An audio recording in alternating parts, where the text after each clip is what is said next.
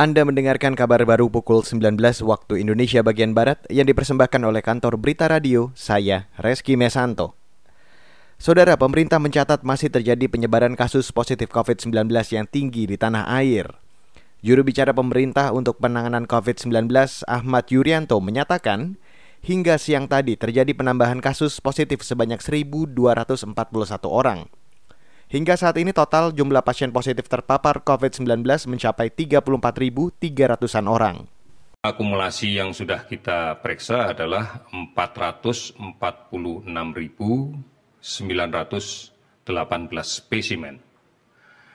Ini memberikan tambahan kasus positif yang kita konfirmasi sebanyak 1.241 orang sehingga totalnya menjadi 34.316. Juru bicara pemerintah untuk penanganan COVID-19 Ahmad Yuryanto menyebut daerah paling banyak mendapat tambahan kasus baru dalam 24 jam terakhir adalah Jawa Timur yang mencapai 270-an kasus. Disusul Sulawesi Selatan, DKI Jakarta, dan Jawa Tengah. Sedangkan pasien sembuh bertambah 700-an orang menjadi total 12.000 orang sembuh. Sementara itu, saudara pemerintah Singapura menyetujui penggunaan obat remdesivir untuk mengobati pasien positif COVID-19. Remdesivir adalah obat antivirus buatan perusahaan farmasi Amerika yang sebelumnya dikenal sebagai obat antivirus Ebola dan virus Marburg. Mengutip Reuters, persetujuan itu dikeluarkan Otoritas Sains Kesehatan Singapura HSA. Obat remdesivir merupakan obat pertama yang dianggap memperlihatkan efektivitas melawan virus corona dalam uji coba terhadap manusia. Saat ini, Singapura merupakan salah satu negara dengan kasus penularan COVID-19 tertinggi di Asia, dengan jumlah kasus positif mencapai 39 ribu orang.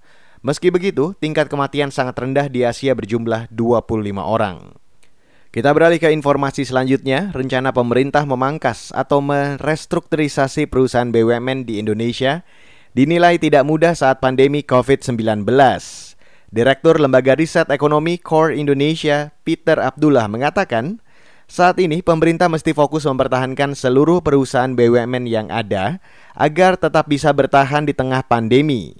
Peter menyebut proses likuidasi juga tidak semudah yang diperkirakan, meskipun beberapa perusahaan BUMN saat ini ditengarai tengah mengalami kesulitan finansial memangkas BUMN itu tidak mudah. Oleh karena itu kita waktunya ini, waktunya itu nggak pas, ya. timingnya nggak pas kalau dilaksanakan sekarang, ya karena kita sekarang seharusnya fokusnya adalah menanggulangi wabah, ya bagaimana kita mempertahankan BUMN yang ada, ya agar supaya BUMN itu bisa survive di tengah uh, wabah COVID sekarang ini. Melakukan likuidasi juga tidak mudah gitu ya, walaupun mungkin ada beberapa BUMN yang sekarang ini mengalami kesulitan, bukan berarti juga itu akan likuidasi. Ya.